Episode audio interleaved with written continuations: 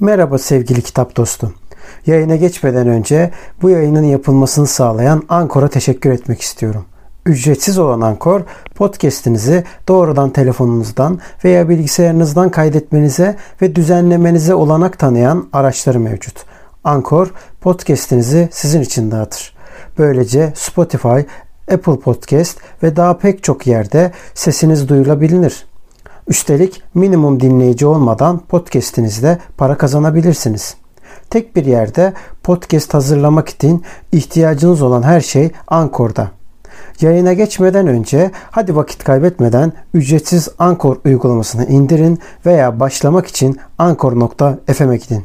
Şimdi podcast'ime geçebiliriz. Selamlar dostlar. Ben Kitap Dedektifi. Kameranın arkasında her zaman olduğu gibi Uçan Salyangoz. Selamlar. Evet, bugün her hafta yapmaya çalıştığımız gibi bu haftaki filmimiz Netflix'in her zaman dünya çapında en çok izlenen 10 filminden bir tanesi diyeceğim ama aslında bir belgesel. Bu belgeselin ismi de 2021 Bit Artık isimli belgesel.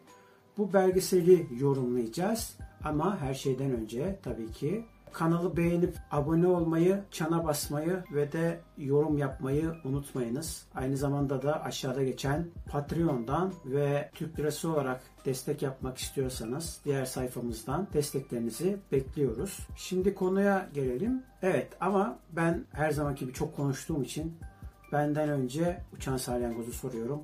Evet, film hakkında, daha doğrusu belgesel hakkında ne düşünüyorsun? Estağfurullah diyorum önce. Estağfurullah derken ya. Çok dedim ya. Ha, teşekkür ederim. Şöyle ya filmi izlerken aslında şey belgeseli izlerken aslında sıkıldım biraz. Çünkü hep aynı yani filmlerin bir değişik versiyonu gibiydi. Artık aynı şeyleri anlatmaktan ya da ben artık aynı şeyleri izlemekten mi bilmiyorum ama epey bir sıkıldım yani. Çünkü her şey var, görünür, gösteriyor ama yani bunun bir çözüm şeyi yok ortada. Hani belki belgesel bunu veriyor veya vermek zorunda da değil. Belki sadece teşhir etmek zorunda. Ama e, ben artık yani bu çözüm odaksız şeyleri görmekten sıkıldım. Çünkü e, bilgisayarda, internete baktığımızda da aynı şekilde bunlar görünüyor olan şeyler. Bizim kendi ülkemizde de, farklı ülkelerde de aynı şeyler, farklı kültürlere rağmen aynı şekilde oluyor yani. Bu biraz artık sıkıcı bir duruma geldi. Yani değişmeyen bir şey var. Niye değişmiyor? Israrla bir de değişmiyor. Tabii bunun birçok nedeni var. Biz sadece soru olarak, yani benim kafamda daha doğrusu bir soru olarak sadece. E, cevaplarını da biliyoruz aslında. Ama işte bu değişmemesi can sıkıcı bir duruma gelmiş durumda bende artık. Yani öyle şu an aklıma gelen o sıkıcı yanı. Ama belgesel teşhir amaçlı ve birazcık da komedi tarzıydı anladığım kadarıyla. Kişiliklere böyle biraz aptal, bazılarına aptal, bazılarına işte birazcık daha farklı kişilikler yükleyerek olayı anlatmaya çalışmış. E, anlatmış da ama dediğim gibi yani sorun zaten yani o şey verdiği şeyin bende yarattığı sorun daha farklı. Ondan dolayı biraz sıkıldım. Yani artık aynı Joker'de de aynı şey. Yukarı bakma filminde de olan şey de aynı. İşte e, kurgusal anlamda diğer izlediğimiz filmlerdeki şeyler de aynı. Devamlı bir anarşi, bir böyle bir uzaylılar geliyor, işgal ediyor. Başka ülkelerin e, halkları geliyor, işgal ediyor. Bir şeyler yani devamlı bir kargaşa, bir kaos içinde dönüp dönüp duruyor aynı şeyler. Yani bunun tarihi süreci, o yüzyıllık süreç hiç mi değişmez yani? Hep devamlı aynı şey mi olacak? Bir an acaba Matrix'te miyiz diye de düşünmeden edemiyor insan. Tabii bu ironi yani. Aynen ironi yaptığım bir şey. Diyor Elon Musk. Evet. Biz diyor aslında Matrix'te yaşıyoruz. Aynen yani yani böyle bir düşün bizi bu, bu şekilde düşündürmeye yöneltiyorlar yani eninde sonunda. E tabi bu ironi bir şekilde söylüyoruz bunu. E, tabii ki nedenler şeyler çok farklı. Derinlemesine indiğimizde yaşanan acılar, çekilen çileler, insanların o mültecilerin vesaire işte siyahilerin, kadınların yaşadığı şeylere odaklandığımızda yani koca dünyada bazı şeylere odaklandığımızda aynı belgeseldeki gibi hani o boşlukta süzülen bir dünyayı gösteriyor ya en başta. Ee, Aynı onun gibi derinlere indiğimizde aslında olaylar çok acı bir boyuta doğru gidiyor. Ondan dolayı evet belgesel bir şeyleri vermeye çalışmış. Ama yani sen de birazdan söyleyeceksin zaten. Bu verdiği şeyler neye göre değişiyor? Neden vermiş böyle bir mesajı bize? O biraz değişkenlik gösteriyor. Böyle yani. Benim hissettiğim şeyler bunlar. Sözü sana bırakayım. Ben de daha farklı düşünüyorum. Her zamanki gibi. Evet. Ondan dolayı kanalda yapan bu zaten. Aslında şöyle bir yorumlama yaptığını düşünüyorum. Bir belgesel olduğu için açıkçası sadece teşhir yapmaktan başka bir işe yaramaz. Zaten belgeseller bunu yapar. Belgesel sonunda şey değildir yani. Bizim her zaman eleştirdiğimiz konu var ya kol kola girip hadi bakayım ha özgürlüğe doğru gidiyoruz falan. Öyle değil yani. O yüzden bunun yerine teşhir yapmış. Bir belgeselin her zamanki yaptığı şeyi yapmış. Ya şey gibi bir hayvan belgeseliyle bence bir politik belgesel arasında herhangi bir fark yok. Şey olarak diyorum, tema olarak diyorum yani. Türler farklı ama tema aslında aynı. Ne anlamda aynı? İşte sadece teşhiri gösterir. Ya sözünü kesiyorum ama filmi ses şey belgeseli seslendiren ne? Normal doğa doğadaki belgeselleri yani seslendiren kişinin sesi de aynı. Evet, o da evet. dikkatimi çekti. Evet. Yani dolayısıyla da ben bu yönden bir şey bir sonuca varması gerektiğini düşünmüyorum. Zaten başlıktan bile belli. Yani 2021'i anlatacak. Yani geçmiş bir şey için ne anlatabilir ki teş yani olmuş bitmiş. Ona ha böyle olsaydı diye bir varsayımda bulunabilir. Ama varsayımların belgeseli çekilir mi? Çekilemez. Yani o yüzden bir sonuca varma noktasında sıkıntılar olur.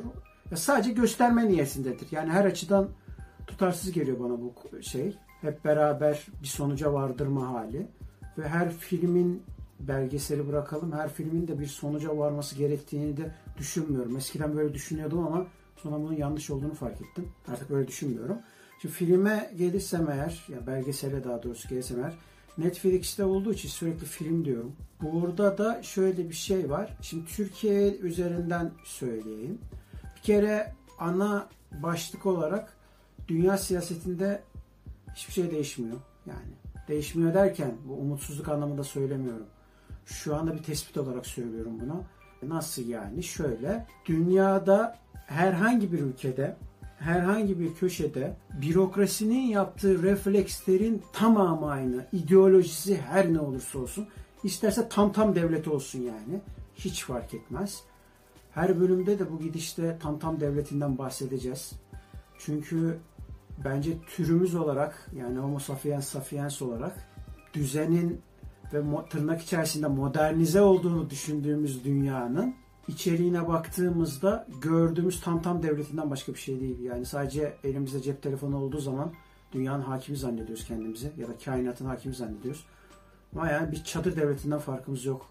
Türkiye'den bahsetmiyorum. Bunu her zaman söylüyorum. Dünyanın bütün ülkelerinden bahsediyorum. Zaten bu arada belgeselde de bunu gösteriyor. Şimdi şeye gelelim yine Türkiye'ye gelelim. Türkiye üzerinde Türkiye Cumhuriyeti kurulduğundan beri yani Mustafa Kemal döneminden günümüze kadar olan sürece kadar tarihsel köklerine baktığımız zaman sınıfsal bakmamız lazım olaya. Sınıfsal baktığımızda şunu görürüz. Eyvallah insanlık tarihi karmaşıktır. Dolayısıyla da tek bir açıdan bakamazsın. Ama genel itibariyle ilişkilerimiz hayvanlarda bile böyledir. Kendi açısında belirli sınıf katmanları vardır. Bizde ekonomik sınıf katmanları var. Yani bizim kendi türümüzde ekonomik sınıfsal katmanlar var. Bunu evrime de bağlayabilirsin, bağlamayabilirsin. Kötü insan, iyi insan anlamında da söylemiyorum. Biraz karmaşık bir şeyden bahsediyorum ama konudan kopmamak için böyle deyip bitireyim burayı. Bu neticede şöyle bir şeye sonuç geçiriyor. Türkiye'ye yansıması. Bir ticaret burjuvazisi var, bir de sanayi burjuvazisi var. Ticaret burjuvazisi biraz daha böyle market, nalbur, işte efendim bakkal çakkal şeklinde giden, inşaat sektörüyle uğraşan, ondan sonra ama bir tane apartmanda olmayan böyle 10 tane, 20 tane, 30 tane, 40, bazen 50, 60 tane. Ne bileyim, hadi, diyelim en fazla 1000 tane inşaatı olan bir burjuva kanadı oluyor. Bir de sanayi burjuvası var. Şimdi Türk sanayi burjuvası ne yapar? İşte ilk akla gelenleri söylüyorum. İşte nedir? Koçlar var, Sabancılar var, işte ne bileyim Eczacıbaşı ekibi var vesaire. Bunlar var mesela. Ya ilk bilinen üçler. Şimdi bunlar sadece üç aile diyoruz ama aslına bakarsan üç aile değil. Birçok faktör. Mesela TÜSİAD'ın oluşturduğu ekip bunlardandır falan. Şimdi Türkiye'yi konuşmuyoruz elbette ki. Belgeselin bununla şey yok ama benzerlikleri göstermek açısından söylüyorum. Bu yönüyle yine teşhir anlamında iyi bir belgesel olduğunu düşünüyorum. Ama sadece bu yönüyle. Birazdan eleştirileme geleceğim belgesel için. Türkiye Cumhuriyeti tarihinde toparlarsam eğer her zaman bu ticaret burjuvası ve sanayi burjuvasının kapışması üzerinden yürüdü. Mesela Mustafa Kemal Atatürk kendisi açısından her zaman sanayi burjuvası kanadından geliyordu. Ama ticaret burjuvası vardı. Kimdi ticaret burjuvası? Menderes dönemi. Diyeceksin ki ya aynı siyaset döneminde değildilerdi ki. Doğru değillerdi. Ama gösterdikleri kanatlar böyleydi. Onu demek istiyorum. Çünkü bir feodal dönem vardı ve bu feodal dönemin ürettiği bir ticaret vardı. Nedir bu? Aşiret ağları mesela. Destek verdikleri traktör fabrikaları var mesela diyelim. Traktör fabrikası varsa eğer sanayi burjuvası. Ama ırgatlar çalıştırıyor yanında. Ama o kadar çok çalıştırıyor ki tarımdan öyle para kazanmış ki en sonunda diyor ki abi inşaata da girelim diyor. İşte bu ticaret burjuvası. Ve sürekli olarak darbeler, bildiğin askeri darbeler yani bildiğimiz askeri darbe sürekli olarak Türkiye'de bir ona ticaret burjuvası, sanayi burjuvasına darbe yapmıştır. Mesela 60 darbesi, 70 darbesi, 80 darbesi, daha önceki darbeler var vesaire. Bunlar hep bunun kapışması aslında. Tarih sürekli bunun üstüne kuruludur. Günümüzde de öyledir. Mesela AKP şu anda ticaret burjuvasını temsil ediyor. Sanayi burjuvasını öce almaya çalışıyor. Şimdi diyeceksin ki belgeselle ne alakası var? Bakın bir söylüyorum. Belgeselde de şöyle bir şey yapıyor. Daha doğrusu belgesel mi tam onu da bilmiyorum. Çünkü yarı belgesel gibi yapmış. Şey işte ben de şu an onu düşünüyordum. Yani artık belgesel ve filmler artık birbirine benzer durumda. Hep aynı şeyi gösterdikleri Ama yok o için- zaten teknik olarak da onu yapmış. Yani çünkü mesela bazı kadın ve erkek sinema sanatçıları var mesela. O kadın ve erkek sinema sanatçılarının mesela yaşadıkları var. Burada mesela hem gerçekten yorumlar yapıyor hem öbür taraftan. Şimdi az önceki anlattıklarımın ne alakası var? Şu alakası var. Bir kere çok açık bir şekilde siyahi propagandası var. Haklılar da yani ezilmişliğin getirdiği bir şey var. Siyahların gözünden beyazları yerden yere vurma kısmı var. Filmde diyelim. Belgesel demeyelim hadi bu saatten sonra. Diğer kısmında da korona meselesi var. Amerika'yı aslında anlatmış, dünyayı anlatma gibi bir derdi de yok. Yani bit artık e, 2021'i sadece ve sadece Amerika çapında anlatmış. Anlatmadığı tek şey ekstradan dünya ile alakalı. İşte virüs diyor dünyayı sardı diyor. Haritada bir iki yeri siyah göstermiş. Orayla alakalı hiçbir şey yok. Dolayısıyla daha önceki izlediğimiz belgesellerden bu yönüyle farklı. Yani sadece Amerika'yı anlatıyor. Peki tamam madem öyle yine söylüyorum. Az önceki söylediğimizle ne alakası var? Yine kaçıncı kere soruyorum. Şöyle basamak basamak çıkıyoruz çünkü. Çünkü orada da cumhuriyetçiler ve demokratlar var. Şimdi Trump bir kanadı temsil ediyor. Mesela eskiden Obama vardı. Obama başka bir kanadı temsil ediyor. Biden başka bir kanadı temsil ediyor. Vesaire. Şimdi sürekli olarak cumhuriyetçiler ve demokratlar birbirleriyle kapışıyorlar. Sürekli olarak. Yani bakın bizimkine benziyor. Ticaret ve sanayi burjuvası. İkisinin de belirli muhafazakarlıkları var. Muhakkak ki var. Bizim Türkiye'dekinde de var. Ve bunun yanında bu tarafa baktığın zaman, Amerika'ya baktığın zaman daha doğrusu bu tarafa değil de, Amerika'ya baktığın zaman şunu görüyorsun. Orada da iki tarafın birbiriyle sürekli olarak kapışma sahnesi var. Ve dolayısıyla da bu işte filme yansımış vaziyette. Ve bunun yanında da tabii e, bu biraz daha tırnak içerisinde sosyal demokrat gibi gözüken Biden cephesine destek veriyor. Siyahi yine tırnak içerisinde solcular. Bunu derken de birazcık şey yapıyor, dalga geçiyor. Diyor ki mızmızlar ve şeyler diyor. E, Bu duruma muhalif olanlar diyor. Anladığım kadarıyla Netflix'in bu e, filmi yayınlamasının temel sebebi Trump zamanında ki Trump Türkiye'deki ticaret burjuvasını temsil eder gibi o yönüyle mesela AKP'ye benzeyen yani laikler tarafından gerici olarak görülen ve aynı zamanda da kendi sermaye grubunu koruyucu ve aynı zamanda yine ırkçı bazı cümleler sarf ediyor. Bu yönüyle de ticaret burjuvasının birçok refleksine benziyor. Mesela örnek veriyorum. Diğer malum hani kullanılan sürekli olarak kullanıldığı için iki örnek vereyim. Hatta üç örnek vereyim. Ee, Müslüman olmayanlar, Aleviler, dolayısıyla Sünni olmayanlar ve aynı zamanda da mesela Kürtler. Hadi ekstradan da yeni çıktı şimdi de kadınlar.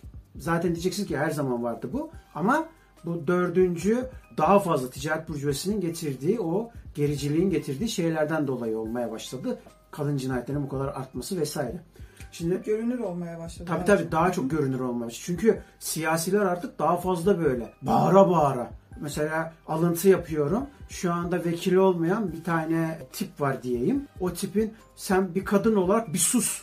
Mesela sözü vardı. Mecliste hem de yapmıştı bu sözü. Bir kadın milletvekiline yapmıştı. Yani yaptığı kadın da, konuştuğu kadın da o da şimdi siyasette değil ama her ikisi de fark etmez. Yani bu belirli görüşleri temsil eden şeyler var. Çünkü kadın da o, o sırada sanayi burjuvazisinin temsil ettiği bir kanadın içindeydi. Öbürü de ticaret burjuvazisini temsil eden bir kanadın içindeydi. Yani enteresan bir şey. Yani sınıfsal olarak baktığı zaman böyle bir tablo var yani. Şimdi burada da aynı. Dolayısıyla da bunlar da hep siyahlar üzerinden yorum yapılmış. Amerika üzerinden. Bu bize neyi gösteriyor? Bu bize aslında zaten mesela o kadar da şeyler var ki böyle spesifik anlatmış. Örnek veriyorum komple teorisyenler bu aşı karşıtları diyelim. Ya da işte e, bu arada aşı karşıtları diyorum da aşının e, ne açıda olduğu ya da doğru mu yanlış mı vesaire bu sermayenin bunu kullandığını bir kenara bırakıyorum. Yani bu, bu ayrı tartışma konusu. Ama bunun yanında kendini aşı karşıtı olarak sınıflandıranlar olarak söylüyorum bunu. Onu da belirteyim.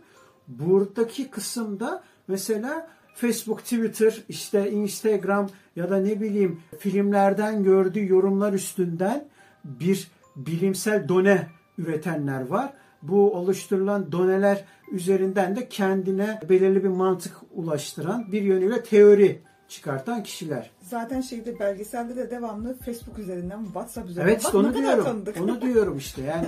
Türkiye'ye de çok tanıdık gitmeye başlıyor falan ve Trump'ın verdiği tepkiler falan da öyle mesela bunu gösteriyor. Buradan şunu anlıyoruz. Trump zamanında Netflix'e çok fazla vergi şey yüklenmiş. Çok fazla. Yani canını okumuş Netflix'in. Dolayısıyla bunun bedeli olarak da Netflix aslında hınç alıyor. Yani siyahlar için bahanesi. Yani çok özgürlüğü çok sevdiği için değil. Yani bunlar Kazanma mı? sermaye grubu özgürlüğü çok sevmez. Sermaye sadece kendini sever. Kendi açısından hani e, Marx'ın deyimiyle derler ya onlar kendi ahlaklarına baksın bizim ahlakımızı sorgulayacaklarına meselesi var ya hani kimileri kimin cebinde belli değildir yukarı tarafta ama senin gelir aşağıda ahlak bekçiliği yapar sana. Ya Biz de bunu yeriz yani. Dolayısıyla da tam durum bu. Yani buradaki durum bu. Netflix burada onu yapıyor aslında. Siyahlar üstünden bunu yapıyor. Sanatçılar da nispeten solcu olan ya da özgürlük peşinde olan, aktivist olan sanatçılar da, sinema sanatçıları da buna tırnak içerisinde alet olmuşlar. Neden alet olmuşlar? Kötü anlamda söylemiyorum. Sesini duyurmak için başka çaresi olmadığı için, başka kanal olmadığı için o kanalı seçmişler. Oradan gitmişler. Yani anlaşılabilir diyelim yani. Çok öyle yadırganacak bir şey olduğunu düşünmüyorum yani. Mesela Net- Netflix'in de belgeselde kısacık bir böyle görüntüsü geçiyor. Evet.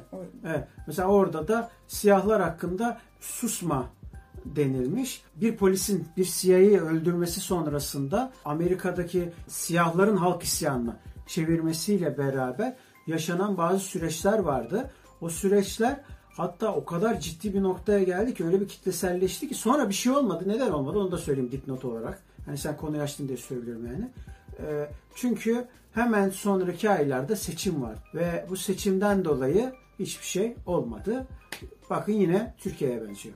Yani şimdi her açıdan Amerika'yı anlatıyor ama her açıdan dünya siyasetini anlatıyor aslında. Yani yine sadece Türkiye'yi anlatmıyor. Şimdi zannediyor muyuz Bulgaristan'da durum farklı. Özbekistan. Ha, Özbekistan, ha, şu anda mesela Özbekistan. Türkmenistan farklı. Ne bileyim işte. Efendim e, Suriye'de farklı durum. Ne alakası var? Her yerde aynı. Bakın Orta Doğu şey Çin'de farklı. Güney, Güney'i boş ver. Güney Kore'yi de geçtim hadi. Kuzey Ko- Kore'de farklı. Her yerde aynı. Dolayısıyla da bunu aslında teşhir ediyor. Ama teşhir ederken bunu teşhir ettiğini farkında olmadan teşhir ediyor. İşte burada şey aklıma geldi. Yani belgesel teşhir ediyor. Filme benzetmemin sebebi, sebebi de oydu. Teşhir ediyor ama senin dediğin gibi farkında olmadan mesela diyelim ki örnek olarak söylüyorum. Nevşin Mengü gibi insanlar bu belgeseli izlediğinde aldığını alıyor oradan. Gerisi boş kozalak kalıyor. Film şeyine giriyor yani. Sadece izliyorsun yani. O. Evet. Ondan dolayı filme çok benzettim. Yani alan aldığını alıyor oradan. Gerisi boş. Evet, evet. Yani o yüzden bunun üstünden şey yapıyor ve bu sanayi ve ticaret bütçesi üzerinden konuşursak eğer bunlar belli ki aslında Biden'ın gelmiş olduğu kanatı destek verenler daha özgürlükçü olduğunu zannettiği için ona destek veren ekip ama tek Biden'ı eleştirdikleri nokta var. Sadece bir tane var. Ve bunu tekrar edip edip duruyorlar. Donuk. Ee, hayır donuk değil. Biliyorum donuk bir de yaşlılığı var. Yaşlılık aslında Yani mesele şeyde o. geçerken diyor ya donuk olması ama donuk bir de hani konuşma yapacak ya kazandıktan Evet. sonra.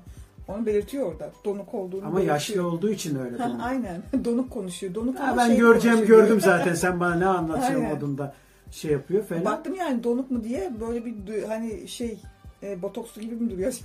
Yok öyle durmuyor. Yani dolayısıyla tek eleştirdikleri nokta o ama onun harici özgürlük getirdiğini söylüyorlar. Aslında şey film bundan ibaret. Ee, Bunu söylüyor. Başka da bir şey söylüyor mu? Başka da hiçbir şey söylemiyor aslında. Bir de şey vardı. Ne oluyor ya ekibinin Fırat e, Fırat'a benzeyen bir şey vardı. Evet İngiliz İngiliz Heh, başkanı. Saçları başları karışık. Evet. Sersefil yürüyormuş gibi. Evet. Acaba yani sen anlattın biraz ondan da. Ya o kendisi Türkiye ile e, aslında Vahdettin'in torunu o. Öyle mi? Tabii Vahdettin'in torunu. Babasının dedesi oluyor. Ha, çok benzemiyor o kafayla. Yani o böyle sarışın marışına da hiç. E, tam İngiliz e, şeyde o baba e, Ha, anne tarafından. ha, tamam anladım. Anne tarafından olması Hmm, lazım. anladım. E, oradan geliyorlar. Bunlar e, Hmm. kaçan e, ekipten işte. Ha, Kaçıyorlar. Sonra İngiltere'ye yerleşiyorlar vesaire. E, inkar etmiyor bunu. Evet inkar etmiyor bunu. Ama İngiliz yani. Ve İngiltere'de özellikle pandemi döneminde çok fazla ihanetler etti.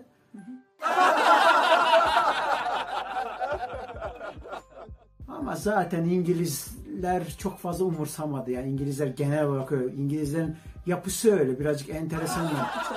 Şey, ya uzaylılar işgal etse, ya sadece İngiltere işgal etse, sadece kraliçeyi kaçırdılar falan ya öyle diyeyim size. Saray yok olmuş falan böyle. Yani çok kutsallık enteresan bir ülke zaten. Hem emperyalist olup hem aynı zamanda da krallığın yönetildiği bir enteresan bir ortam. Neyse kafalar çok karışık yani. Oradaki yerde mesela sadece kraliçeyi kaçırsa falan kimse umursamaz. Yani yine halen süt çayına devam eder. Gerçek Yani acaba öyle midir yani? Ee, yo öyleler. konuşuyoruz Çok ama soğuklar. Çok merak ediyorum. Çok soğuklar. Gerçekten öyleler Hmm. yani. Çok her şeyi sakinlikle karşılarlar. Olgunlukla mı karşılarlar yoksa mevzuyu anlama, anlamıyorlar. O yüzden böyle bakıyorlar falan onu da Ya da biz anlamıyorum. geldik gördük her şeyi görmüştüğümüz Neyi gördüler? Küçücük çocuk bile aynı yani. Her şeyde öyleler. Ya inanılmaz bir... Ya soğuk iklimlerde birazcık öyle olur. Birazcık Hmm. e, şey dedi. Ama bunlar da fazla öyle. Yani fazla öyle. O yüzden böyle şey havanın durumu gri olduğu için hep İngiltere'nin gri havaları meşhurdur. O yüzden bunlar da sürekli böyle gri. Ne oluyor ya? Yağmur da yağmıyor. Ya güneş de açmadı ama. Ya soğuk da değil ama soğuk falan böyle ne oldu? gerçekten Tam tam o hava durumuna göre yani. Yani- Öyleler. Ben çok merak ediyorum. Gerçekten yani biz böyle öyle. anlatıyoruz, duyduğumuz, gördüğümüz, izlediğimiz şeylerden ama Yo izlediğim şeylerden ben anlatmıyorum. spesifik Ben gerçekten hiç karşılaşmadığım için çok ben merak karşılaştığım ediyorum. için söylüyorum. Gerçekten öyle. Yani. Öyle- Hatta o kadar ki yani e, komedi filmlerini boş ver. Normal ciddi filmlerde bile bu İngiliz soğukluğunu anlatırlar yani. evet. Mesela Sherlock Holmes mesela boşuna değil ya öyle. Aa, tapıyorum o adama ya. Evet neyse şimdi ayrı konular bunlar. Evet dolayısıyla da daha fazla dedikodu yapmadan başka konularda İngilizler hakkında yeterince atıp tutup belki İngilizlerden fon alabiliriz o yüzden şey olmasın. Ee, böyle deyince yurt dışından fon alıyorlar yakaladık. Hayır alma öyle değil. Yani normal Kültür Bakanlığı destek verse Kültür Bakanlığı'na alacağız. Aa bir de iktidardan destek mi bekliyorsunuz? Valla Kültür Bakanlığı destek verse ben kabul ederim. Niye etmeyeyim? Kültür Bakanlığı kültür içeriklerine destek vermediği için böyle oluyor. Evet her seferinde yaramıza tuz basıyorsunuz. Teşekkür ederiz sayın troller. Evet şimdi başka film hakkında ne söyleyebilirsin? Söyledim. Vay son sözü söyledim diyorsun. Son sözü söyledim diyorsun. İyi o zaman peki. Peki dostlar yeni sinemalarda görüşmek üzere. Eğer bu arada onu da belirtelim. Bu arada istiyorsanız eğer hangi filmler varsa ama yani gündemden olsa daha güzel olur. Yorumlar kısmına yazarsanız sizin tercihleriniz vesilesiyle bu filmi izleriz, yorumlarız. Hatta dizi bile olabilir ama kısa olsa daha güzel olur. Çünkü hemen e, bitirmek anlamında güzel oluyor. Mesela önümüzdeki hafta 10.000 adımla görüşmek üzere. Kendinize iyi bakın. Görüşmek üzere. Ani çıkışlar yapıyorum kusura bakmayın. Buyurun. Kendinize iyi bakın. Görüşürüz.